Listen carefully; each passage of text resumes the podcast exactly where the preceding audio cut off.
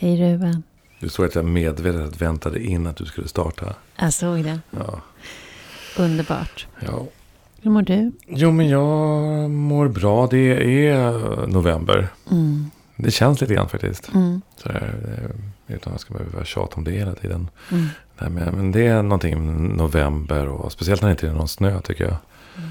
Så är det lite, lite tyngre. Sådär. Eh, Jag känner att sömnen är viktig den här årstiden. Det känner jag också. Mm. Jag hade, gick och la mig klockan häromkvällen. gick och la mig klockan åtta och vaknade klockan nio. Oj! Ja, Ja, då har sovit en del. ja de har, men då har du behov av det. Ja, det, Det- så kan man väl se det. Men ja, det är mycket sömn. det är mycket sömn. Mm. Ja, ja, det är så, så, nej, men jag brukar vara glad om jag får tio timmars sömn. Mm. Det får jag oftast inte. Mm. Men det, Men du är ute i skogen har jag sett. ja, jag är ute i skogen och tack och lov att jag har tillgång till skogen. Mm. Det är så, det är så mycket i, i skogen eh, som kommer till mig. Eh, att bara få va- vandra omkring där. Mm. Och oftast då, eller alltid numera, med Sevi, min hund. Eh, som också är väldigt fint att, att, eh, att dela det här med eh, ett, en, en varelse som är ett djur. Mm. Jag är också ett djur, men ett annat sorts djur. Det är, det, det är lite speciellt faktiskt. Och vi har några skogar som vi går till där han också kan springa fritt. Mm. Och han springer iväg och rusar omkring och så kommer han alltid tillbaka och kollar. Är det okej? Mm. Ja, det är okej. Och så kutar han iväg. Och, och så där, det är väldigt fint. Men det är någonting i skogen som, eh, eh, som är så lugnande. Och Mm. det är också någon slags... Eh, eh, ja, jag skulle vilja säga att det är en slags information Mm. som jag saknar i stan. Eh, som, som gör mig väldigt gott Mm. när jag går omkring där. Jag tycker också, jag älskar också att gå i skogen. Jag tycker också att det ger mig perspektiv. Alltså när jag känner mig stressad och Mm. det ska levereras till höger och vänster och så. Och när jag går i skogen så ja, men då kan jag bara vara där. Bland Mm. träden och mossan och stenarna. Och det Mm. ger mig perspektiv på hur många tusentals år som de här stenarna förmodligen har legat här. Mm. Och andra Verkligen. fotsulor har gått precis där jag har gått Mm. och tänkt och känt precis som jag gör Mm. just nu och många efter mig kommer att gå. Mm. Att det ger mig väldigt härliga perspektiv som gör att jag blir lugn. Mm. Ja, men det är... Så är det verkligen. Jag, jag har också börjat snöa in lite på, på svampar. Och, och gärna små svampar. Och, eh, inte alltid, det handlar inte om att plocka svamp. Utan mer att eh, uppmärksamma de här svamparna. Mm. Som också har en, en, en färgskala som är helt hisnande. Och också ganska mycket eh, mikrosvampar Mm. som växer på mest... Eh, och eh, det finns bland annat en film på, på Netflix som heter Fantastic, Fantastic Fungus. Mm. Fantastiska svampar. Eh, och det är, en slags, det, är en, det är en amerikansk dokumentär med allt vad det innebär. Eh, och den är väldigt intressant, det är vackra bilder. Den har några delar som är mindre bra, liksom, som jag skulle kalla för lite drogromantik. Men om man bortser från de bitarna och ser också vad svampen har att eh, ge oss på, Mm. på flera olika plan. Eh, inte minst medicinskt. Mm. Man har ju sett att det som man har använt som eh, droger som kommer från, från eh, eh, svampens värld. Eh, om man ger det mikrodoser så har det gett väldigt goda resultat. Framförallt för människor som har varit långvarigt deprimerade. Och det, det finns en forskning på nu som eh, tydligen är väldigt framgångsrik. Mm. Eh, och det har ingenting med droger att göra på det sättet. Eh, eh, alltså inte för att berusa sig, alltså, utan Mm. att... Eh, men sen är det också det där att alltså, under varje fotsteg som vi tar så är det liksom 47 eller 48 mil av mycel. Alltså svamptrådar under varje fot som vi tar. Eh, att allting på marknivå är, genomsyrat av, av mycel. Eh, och det är rätt vackert. Mm. Det är någonting som... Det, det blir Lite en- hisnande. Ja, just det. Och också hur de hjälper till i skogen. Hur de hjälper att eh, få träden att kommunicera och så vidare. Ja, det finns mycket som vi skulle kunna fördjupa oss i när det gäller där. Men det finns också någonting att, att lära sig utav det. Ja, att vara en del av en helhet, tänker Ja, jag. precis. Exakt. Att, att vi tenderar ju att bli så självförsörjande och Ja. klara oss själva. Och, men att det här att vi är beroende av varandra och att våga känna tillit till varandra och Mm. att systemet, det är en, inte allt så lätt. Mm.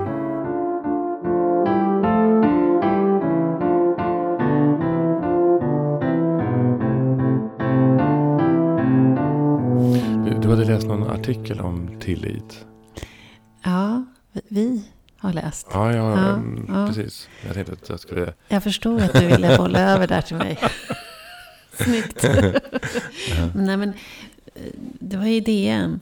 Ja. Eh, Som vi, det var tre forskare som tittade på ordet tillit ur olika perspektiv. Och dels tilliten till systemet, samhället. Och att Mm. vi har en lång historia av att ha en hög tillit i Sverige till systemet. Mm. Till rättsväsendet Mm. och myndigheter. Men också det här med tilliten till varandra. Att det fanns forskning som visade att ju mer man känner en människa, desto högre tillit känner man. Mm. Och att om man känner tillit är väldigt också situationsbaserat. Mm. Det handlar om förväntningar. Att eh, är det i arbetslivet så känner jag tillit till den som levererar. Mm. Är det vänskap så handlar tillit om någonting annat. Mm. Kärlek någonting annat. Mm. Och, och det fick mig ju i alla fall att tänka på hur, hur jobbar jag med min tillit? För jag tillhör ju också en såklart, eller såklart ska jag inte säga, men jag vet att jag har en eh, benägenhet att luta mig tillbaka och klara mig själv när jag hamnar i svåra situationer eller känner mig hotad eller känner mig rädd eller så, eller osäker. Att det inte är det första jag tänker i, åh, hur, vilka ringer jag nu för att få Mm. hjälp? Eller var... Det gör jag när det är en uppgift. Mm. Då ringer jag som fasiken och Mm. drar i alla trådar jag kan och, och, så, och gör det väldigt bra. Lyckas ofta med det jag vill. Mm. Men om det handlar om mig själv så, så är det snarare så att jag söker, ja, jag går min egen väg, jag Mm. löser det här själv. Mm. Och då är det ju snarare en, kanske en tillitsbrist. Mm. Hur jobbar du med din tillit? Eh, Alltså det, det första som, som kommer till mig nu, det, det var att jag har gått i terapi eh, i många olika former. Mm. Eh, och då framförallt individuell terapi. Och sen, det är ganska många år sedan nu, så eh, fick jag ett erbjudande om att gå i gruppterapi. Mm. Och min första reaktion var absolut inte. Mm.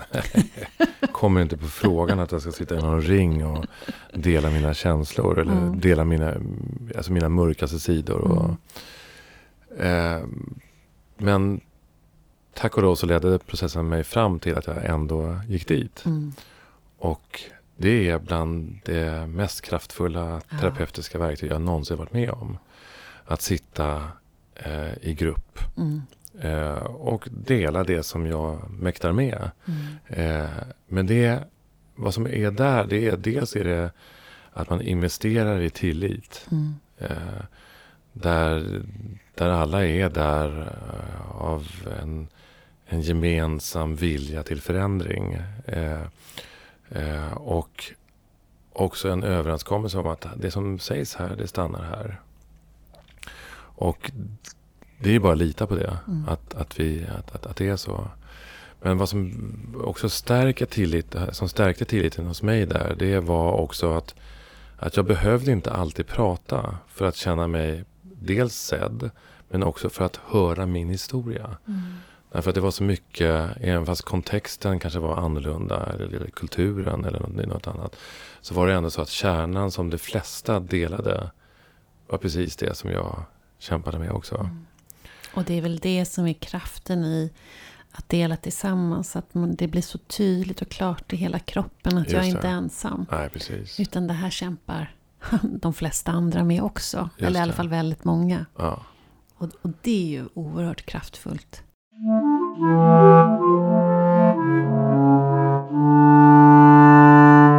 Ja. Jag, eh, I alla fall väldigt många. Jag undrar om det inte är alla. Mm. Eh, säga säger lite kategoriskt så här. Därför att på olika nivåer såklart. Mm. Men, men eh, för mig var, var det det som var det var lite en uppenbarelse på det sättet. Liksom. Och eh, det, den erfarenheten stärkte min eh, generella tillit. Eh, att det var en, en, lite grann av en aha-upplevelse av att vi är så lika. Mm. Eh, och det spelade ingen roll om, om vilka yrken vi hade eller eh, hur rik den ena var eller hur fattig den andra var. Utan eh, här var det någonting som vi, när det gällde, gällde på det här planet, Mm. alltså, Mm. eh, där var vi väldigt lika. Mm. Eh, och det, det bär jag med mig. Mm. Eh, och det har förändrat min förmåga att lita på Mm. eh, min omgivning. Det är inte så att jag var inte litade. Mm. Men eh, den har stärkt eh, min, min tillit Mm. till tillvaron. Och jag, ja, men jag försöker, jag utgår från eh, att jag kan lita på människor. Mm. Och sen såklart, mellan varven så blir jag besviken. Ja, ja, men det Ja. är klart. Det finns ju massor med omständigheter till att man hamnar, inte synkar eh, i Just olika det. sammanhang. Men jag, jag hade eh, problem i, långt upp i åldern med att, att lita på fullt ut. Eh, jag jobbade lite med att, att lämna ut mig så att det upplevdes som att jag lämnade ut mig väldigt Mm. mycket. Mm. Men det var väldigt mycket som inte blev sagt Mm. eller synligt. Mm. Och att det blev ju en, en viss luring på det sättet att andra trodde att jag kände tillit och delade med mig och sen fick tillbaka då från andra. Medan jag egentligen var väldigt, det var väldigt villkorat Mm. hur mycket jag delade med mig. Och det här var inte medvetet på något sätt, utan det här var ju en len... att- Ja, jag tänker att det var en, eh, ja, någon form av överlevnadsstrategi som Mm. jag hade lärt mig en gång i tiden. Ehm, men som jag fick jobba med jättemycket sen, Mm. när jag blev äldre. Att, Mm. att känna när min, vad kallar det för? Mur, Kina-mur brukar min son kalla, sin, kalla det för. Mm. Eh, när den kommer upp. Eh, och känna när den kommer, men ändå inte lyssna på den. Mm. Att låta den... Ja, där kommer en liten varningsklocka att nu är det Mm. läskigt. Det här Mm. vill jag kanske inte egentligen dela med mig, men jag vill det. Mm. Att, jag, att jag förmår att gå emot den där gamla in, ja, invanda mönstret eller Mm. lärandet. Och det tror jag hänger ihop med tillit. Mm.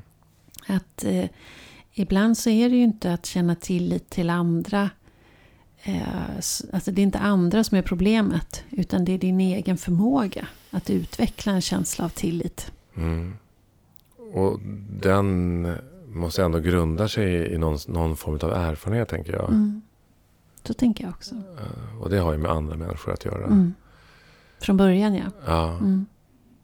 Och det kanske också har med ursprungsfamiljen eh, att göra. Alltså hur, hur, hur det stod till i familjen med tillit, Mm.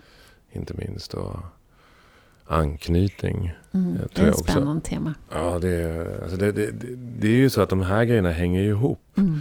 Att, och tillit hänger ju också ihop med det som vi pratar, som vi återkommer till mellan varven, sårbarhet. Mm. Ehm, och då är det så att tilliten är ju den tillit som jag känner till mig själv. Mm. Som, som gör hur mycket jag vågar vara sårbar. Och inte, eh, inte agera efter inlärda mönster eller Mm. efter rädslomönster. Mm. Och det där tror jag jag kan konstatera. Mm, men om vi bara pratar inte vad jag ser hos andra utan mer ser hos mig själv så kan jag konstatera att jag har nog blandat ihop det där när jag var yngre. Att lita på min egen förmåga. Att Mhm. jag är kapabel, att jag Mm. klarar av saker. Den har alltid varit jättestark. Mm. Jag har alltid känt att sätt ner mig var som helst på klotet. Jag fixar det. Mm. Att där finns en stark känsla. Men den andra känslan av att våga lämna ut mig, våga vara beroende, våga Mm. vara sårbar. Det är en helt annan Mm. match att spela. Mm. Eh, och det där tror jag att jag, i alla fall jag, när jag var ung, blandade Mm. ihop. Att jag trodde att det var samma sak. Mm. Kände jag mig kapabel så kände jag också tillit. Mm.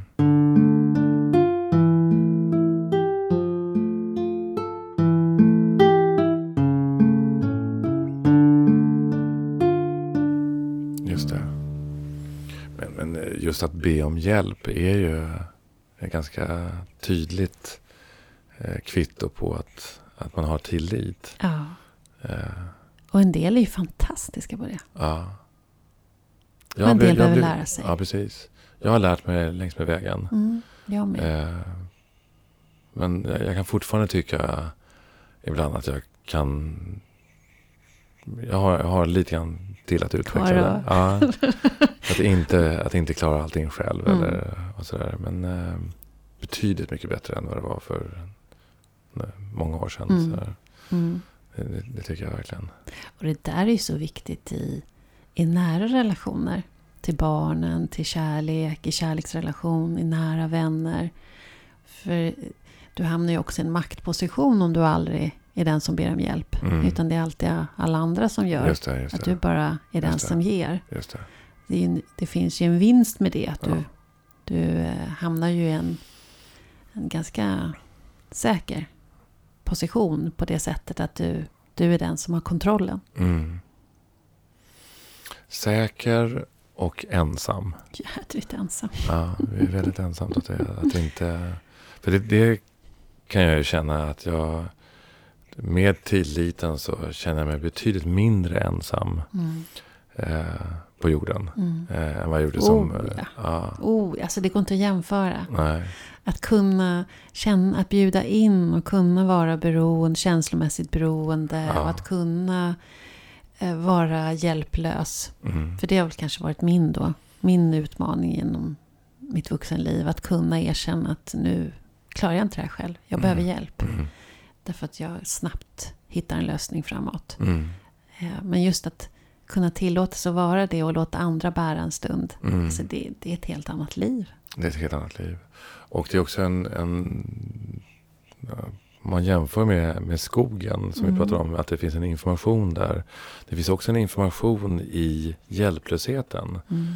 Eh, alltså jag, jag känner bara att, att ordet hjälplöshet reagerar jag på kroppsligt. För att jag tycker att det är hemskt. Eh, att det finns Att någonting... vara det eller själva nej, men alltså, tillståndet. det, nej men alltså, eh, in, ett in, in, någonting som är inlärt hos mig ja, kring det här med att vara Ja, hjälplös. mig jag, men jag vill inte vara hjälplös. nej, Hallå, jag är inte hjälplös. det Det här är fixar jag. negativt. Det är väldigt negativt. Men eh, idag har jag erfarenhet eh, av att just hjälplösheten är väldigt närande. Att den, den ger mig någonting. Alltså, det är någonting av en djupare förståelse. I första hand om mig själv. Mm, jag, jag, jag tänker att den hänger ihop med ledsenhet. Att tillåter du dig själv att vara riktigt ledsen så tillåter du också att vara hjälplös en stund där och då. Mm. Att få känna den här sorgen och hjälplösheten. Att det är också något... Vågar du vara där och våga ta emot hjälp när du är där Mm. så blir det ju något... Det blir ju något väldigt vackert att, att få... För det är ju väldigt fint att få hjälpa menar jag. Alltså det finns en Ja. dans, ett samspel där som blir att det här med att vi hänger ihop. Just det. Att vi behöver varandra. Ja. Så att det är att tillåta dig vara hjälplös behöver också kunna tillåta sorgen ja. och ledsenheten.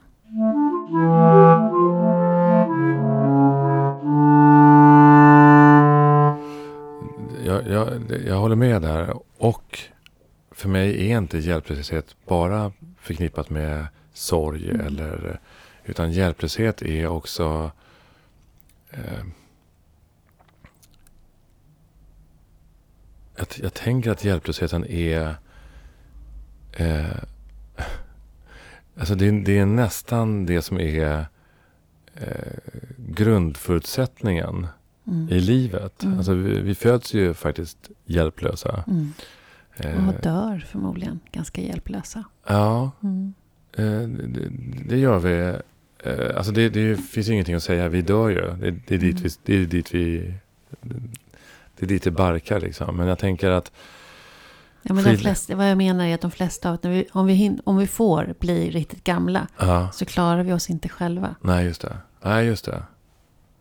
Jag, jag tänker att, att, att eh, när, när, när vi föds så kommer vi hjälplösa till världen och vi inte minst är beroende bara av närhet. Mm. Därför att om vi inte får närhet så, så dör vi Mm. faktiskt. Eh, eh, om vi inte får eh, närhet så att, att eh, de här olika hormonerna kommer i omsättning, liksom, i omlopp i, i kroppen så, så dör vi. Konkret Mm. så dör vi. Jag tänker att det, det finns ju också någonting i ensamheten till exempel som är ett problem här i Sverige eller uppe i Norden. Eh, eh, och att ensamma människor dör tidigare eh, än de som lever i relation Mm. till exempel. Det finns ju också eh, en, Det finns till och med studier som visar att det är, nu är den gjord bara på män i och för sig, jag vet inte om det har betydelse, men att eh, även människor som lever i det som de upplever i dåliga relationer Mhm, mm. lever längre.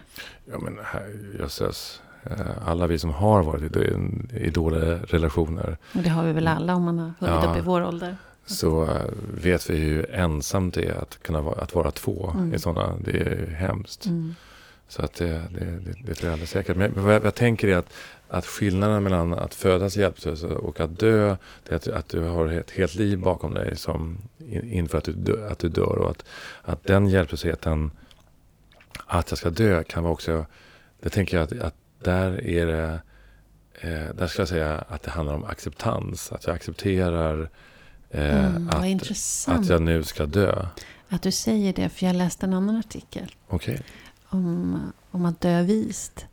Och ett antal forskare som uttalade sig som sa att vi har ett problem i vårt land om att vi så snabbt ska hamna i acceptans om att vi ska dö. Att vi inte tillåter människor att vara ledsna för att de ska dö. Mhm. Att de flesta är faktiskt väldigt olyckliga för Mm. att de ska just dö. Mm, mm. Och att de får medel mot depression.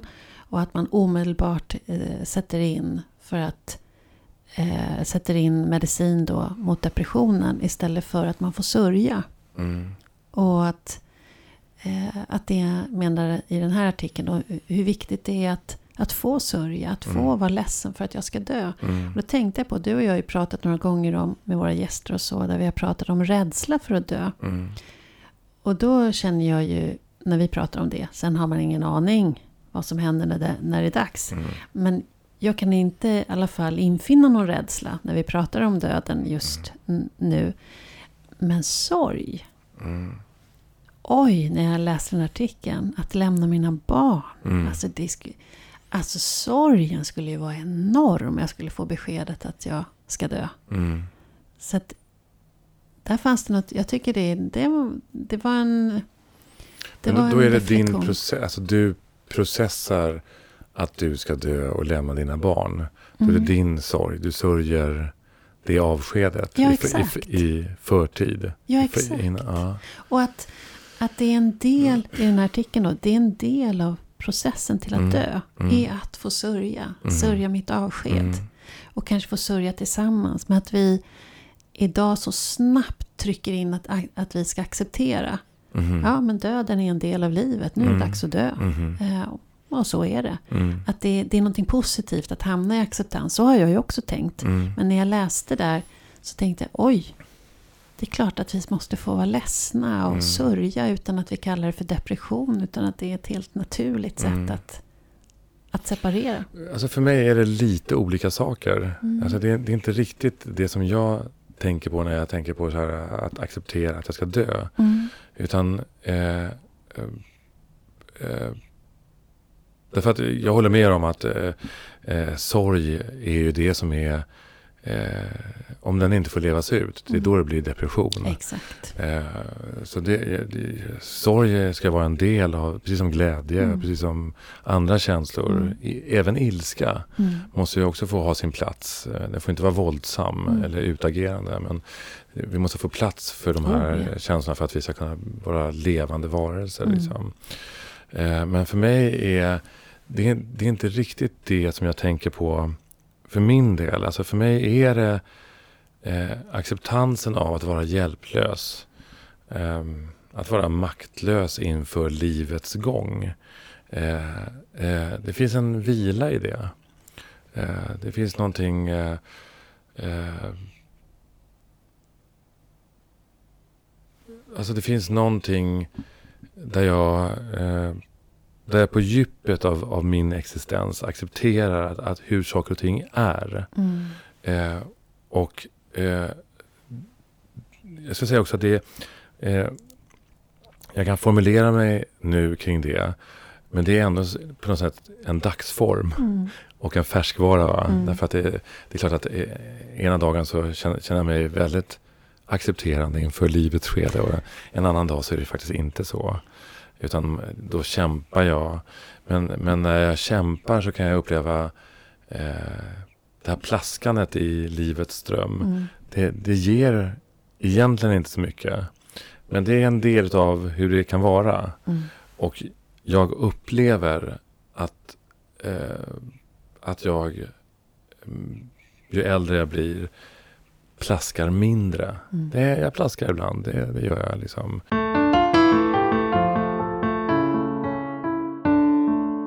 När du säger plaska, menar du motstånd då? Att du jobbar med motstånd? Ja, att jag jobbar, eh, jag för- försöker eh, att inte acceptera vissa saker som är livets gilla gång. Mm. Eh, eh, men när, när jag känner mig tillfreds Mm. eh, och eh, det, kan till och med vara en slags lyckokänsla. Eh, det kan ju låta konstigt att man känner sig lycklig över att, över att, att jag så småningom ska dö. Men eh, då är det en stund, ett ögonblick Mm. av, av fullständig acceptans av hur livet ser ut. Mm. Jag, Eh. kan, jag kan inte känna igen lyckan över att jag ska dö. Men jag kan känna igen den här... Det kan faktiskt komma över mig ibland. att Och då är det bara en ögonblickskänsla. Det, det är att... Ja, men... Nu kan jag dö. Mm. Just Och, det. och det betyder inte att jag vill dö. För Nej, jag vill jag verkligen inte Nej. dö. Nej. Men jag kan känna en, en, en lyckokänsla i att fasiken vad bra det blev. Mm. Att eh, ja, men det, det har varit så mycket att, att simma emot och så mycket Mm. att lösa. Men, men det blev ändå rätt bra. Och Mm. att det finns en tillfredsställelse i det. Men, ja, men jag kan dö. Mm. Det är okej Mm. att dö. Mm. Och sen hoppas jag ju verkligen att jag blir 150 år. Mm. Men den känslan... Really? Verkligen? Ja, oh. 92 då. Okej. Men att det, det, det, det är verkligen en lyckokänsla. Ja.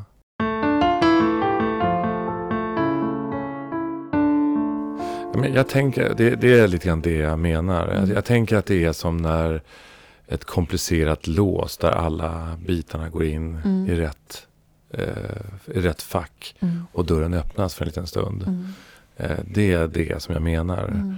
Och sen så går, så går livets hjul vidare och då är det nya saker som, som vi ska möta. Och, eh, men de här stunderna finns och det, det, det är ju en form av eh, acceptansen och är ju en form av tillit då Mm. för mig. Alltså att jag, att jag litar till eh, jag hade en gäst som, som sa, som litar att, att livet bär. Mm. Eh, och eh, där ingår, hur knasigt det än låter, faktiskt acceptansen av döden. Eh, Ja, acceptansen av min... Det kan jag, att livet bär, det innebär acceptans av sin egen död. Jag håller med om det. Däremot inte acceptans av andras död. nej, eh, ja och nej. Mm. Eh, vill du utveckla? Så, Nej, men jag, jag tänker det, för precis när vi pratar om det här när jag sitter där i skogen eller, och känner den där ögonblicksbilden att nu kan jag dö. Vad, Mm. vad nu det egentligen står för vet jag inte riktigt. Men en slags lugn i alla fall, acceptans. Men jag känner ju absolut inte det om det skulle vara någon av dem jag älskar som är omkring mig. Att känna ja, men nu kan de dö. Det finns ju inte i närheten. Utan men där det är känns ju bara... helt annat, jag. Och, och jag menar ju inte kanske fysiskt dö. Jag, det är därför jag säger att jag vet inte riktigt vilket ord man ska använda. Men den där att ehm, det finns en tacksamhet och det finns en, Mm. en lyckokänsla. Det finns ett lätt, en lättnad lättnad i det där. Sen, Mm. kanske inte, sen kanske inte orden kommer ut rätt. Men jag kan inte infinna det för andra. Nej. Visst, blev det svårt nu? Ah, ja, men spännande tycker jag. Mm. Alltså, jag tänkte att du, du sa tacksamhet också. Det, det tänker jag också att in, är, är instoppat i ordet tillit. Mm. Att eh, när jag känner tillit då känner jag en enorm tacksamhet. Mm. Eh, jag är väldigt nöjd i tillvaron. Mm. Eh, men när någon nära eh, dör. Mm. Eh, så det är inte det att jag önskar det. Nej. Såklart. Nej. Eh, eh, och eh, även om jag accepterar det, eh, att det är på det sättet och det har skett tyvärr eh, eh, flera gånger längs mitt, mitt liv att Mm. nära och kära har dött. Eh, eh, det viktiga där är som, det, det som vi sa, det är att, det är att sörja. Mm. Men att, att det finns en acceptans. Det, det går inte att förändra den biten. Och motståndet mot döden, den är ju, det är en kamp som vi definitivt förlorar. Mm. Eh, Så även där finns det en, en acceptans. Men däremot så är det en annan bit av att, att jag som, som lever vidare måste sörja. Mm. Därför sörja jag inte, Mm. då kommer livet gå mig förlorat. Mm.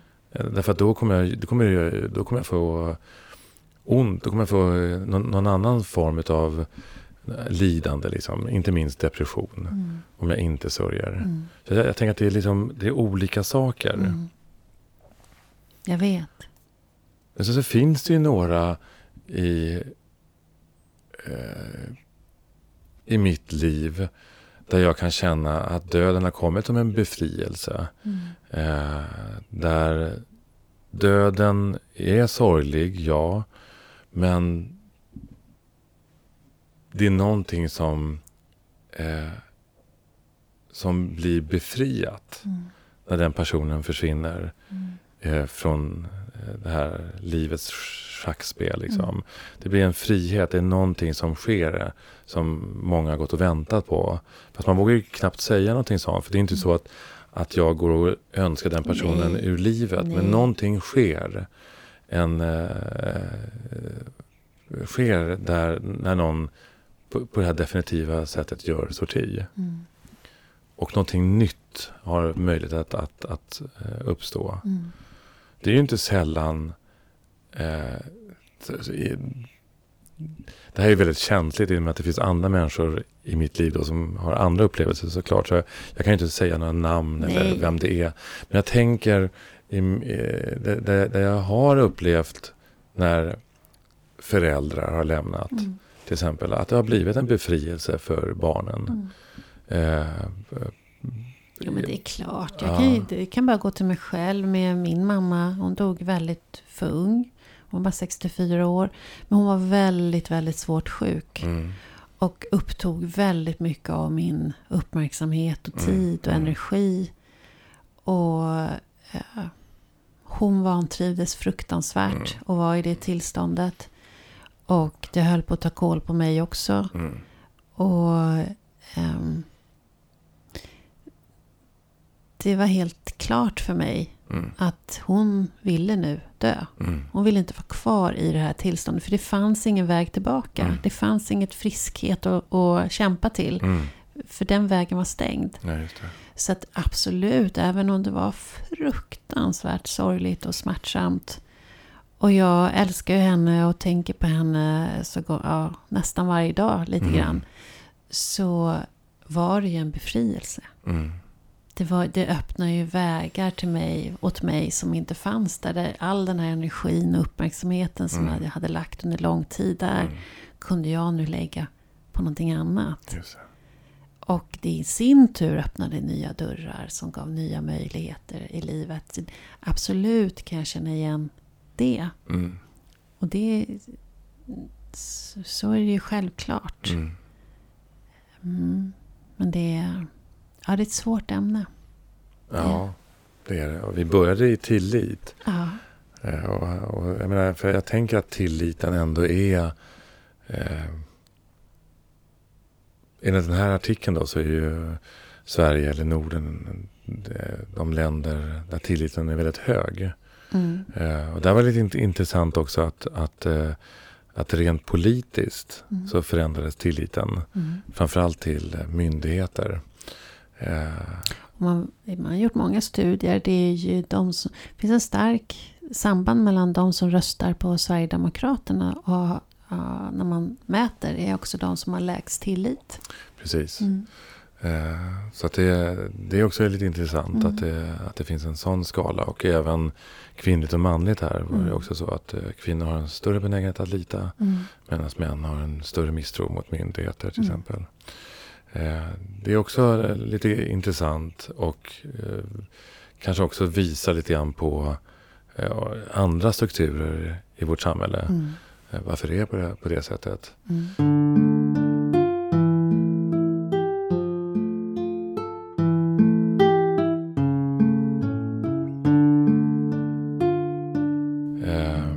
Men det är också väldigt intressant hur man kan jobba med att utveckla tilliten. Till exempel i organisationer så brukar man äh, det finns olika tankemodeller att jobba med, såklart olika teorier. Men det finns en som man kallar för tillitspyramiden. Där eh, eh, man visar på att både beslutsfattande, resultat, eh, sam, samarbete, allting grundar sig i tillit. Mm. Alltså finns inte tilliten, då fattar vi fel beslut, vi får ett mm. lägre resultat, mm. vi får sämre samverkan och samarbete, såklart. Mm. Och då handlar det om att det första du behöver jobba med är just att skapa tillit mm. i organisationen eller i mm. grupp, arbetsgruppen. Då. Så måste det väl vara även, jag tänker i, i, i ditt liv, i din, i din profession. Oavsett om det handlar om den här gruppen som ska spela en, en teateruppsättning mm. tillsammans. Att, att där måste väl också bygga väldigt mycket på tillit, kan jag tänka mig. Eller är det bara en... Ja, Ja och nej skulle jag säga. Så här. Det beror helt på vilka processer det är och mm. vilket, sammanhang och sådär faktiskt. Det, det skiljer sig rätt eh, mycket tycker jag från mm. olika uppsättningar. Jag ser framför mig så här, ni som gick och har gått på sån här teaterskola, att man, man står och tar emot varandra, man kastar sig ut och någon fångar upp en, man ska lära sig att lita på... Ja, så är, så är det ju också. Eh, men eh, det finns ju också en, en praktisk tillit. Alltså för att mm. genomföra en föreställning. Eh, och det finns ju olika sorters tillit. Mm. Eh, alltså, du kan ju ha en stor tillit till att den här, att eh, säger här, den här repliken så får jag den repliken tillbaka. Ja, eller ramlar såna... jag nu så fångar du mig. Ja, precis. Mm. Det, det, är ju överenskommelser som, som är ju egentligen, som är ju yrkesbetingade. Mm. Men samma person kanske inte litar på ute i samhället. Mm.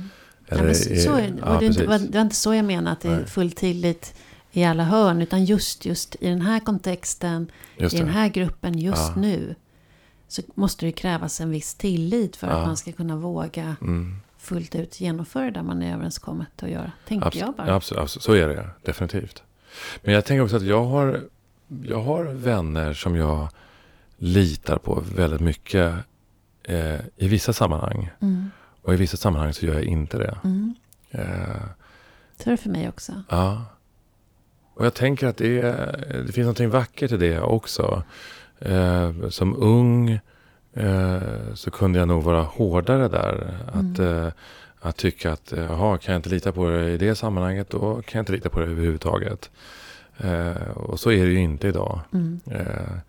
Utan att här kan jag ju se liksom att den här personen är fullt...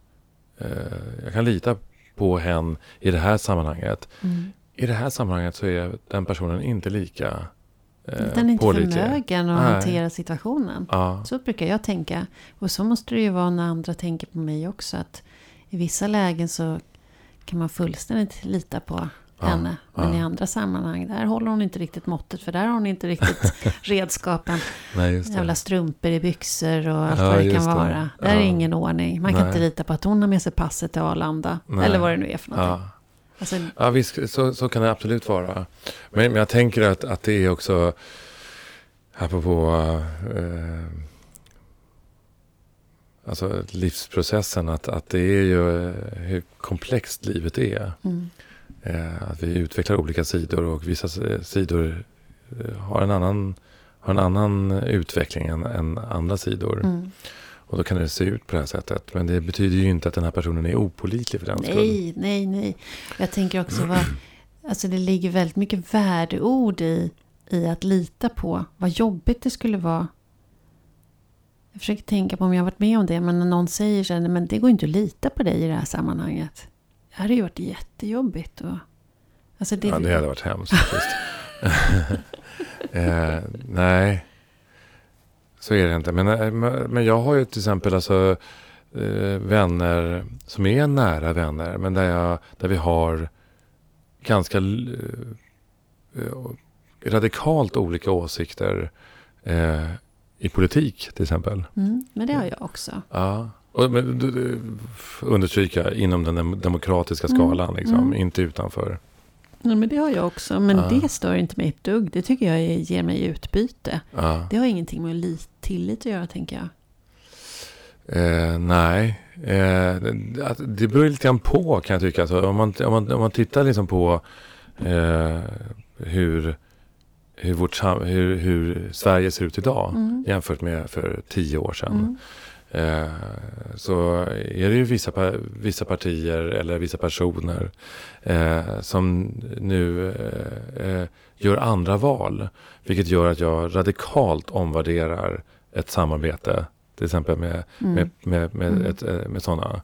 Ja, men det, det håller jag med om. Och så känner nog alla att man hela tiden omvärderar.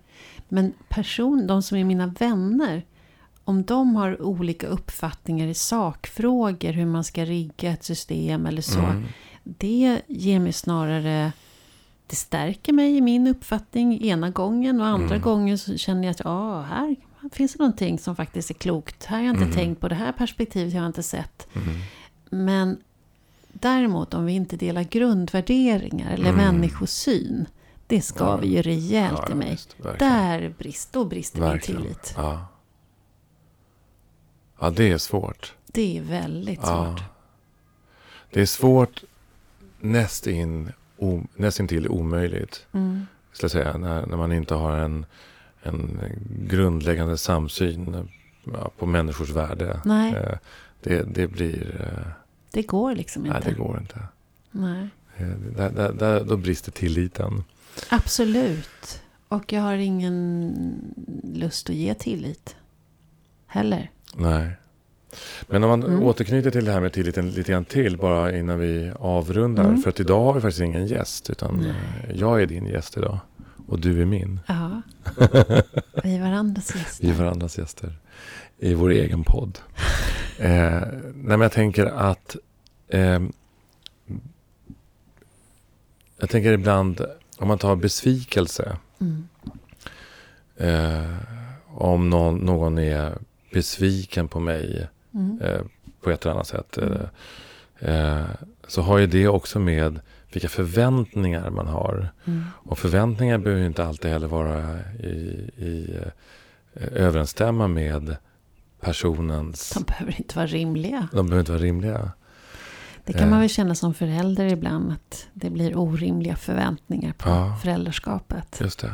Att ibland behöver man påminna om att jag är faktiskt bara människa. Ja, just det. Och även till sig själv. Ja, Så att eh, visst hänger det ihop med förväntningar ja. och tilliten. Och det kan jag ju också känna ibland när man går tillbaka och reviderar att man kanske, eller jag har haft alldeles för höga förväntningar emellanåt och blivit besviken Mm. och det har snarare legat hos mig. Men sen kan jag också känna att där jag verkligen blir det, jag tycker det är rimligt, det händer också. Mm. Att i, i samarbeten, jag ju, var ju sån där, när man grupparbetade på universitetet så var ju Mm. alltid jag den som gjorde klart grupparbetena och Mhm, satt och mm. jobbade längst. Och, och sen när, har också hänt i, i arbeten i, i, som vuxen Mm. att, att i olika uppdrag att jag har suttit och gjort klart allting själv. Mm. Eh, och då, då, i sådana lägen så har jag ju blivit så besviken så jag tänkt, nej, den där Mm. människan tänker jag inte jobba mer med. Då, då måste jag ju hänga på här och säga att om du och jag i vårt samarbete kommer till en sån punkt. Ja. Då vill jag att du ska vara transparent och öppen och delge mig det här innan. Jag har ju mognat nu, Ruben. Okej, vad Ah. bra. vad bra. Ja, men vad, det här var ett samtal. Mm. Ja, Kan vi säga tack för idag? ja det tycker jag. Ja, Tack för idag Ulrika. tack. Hej.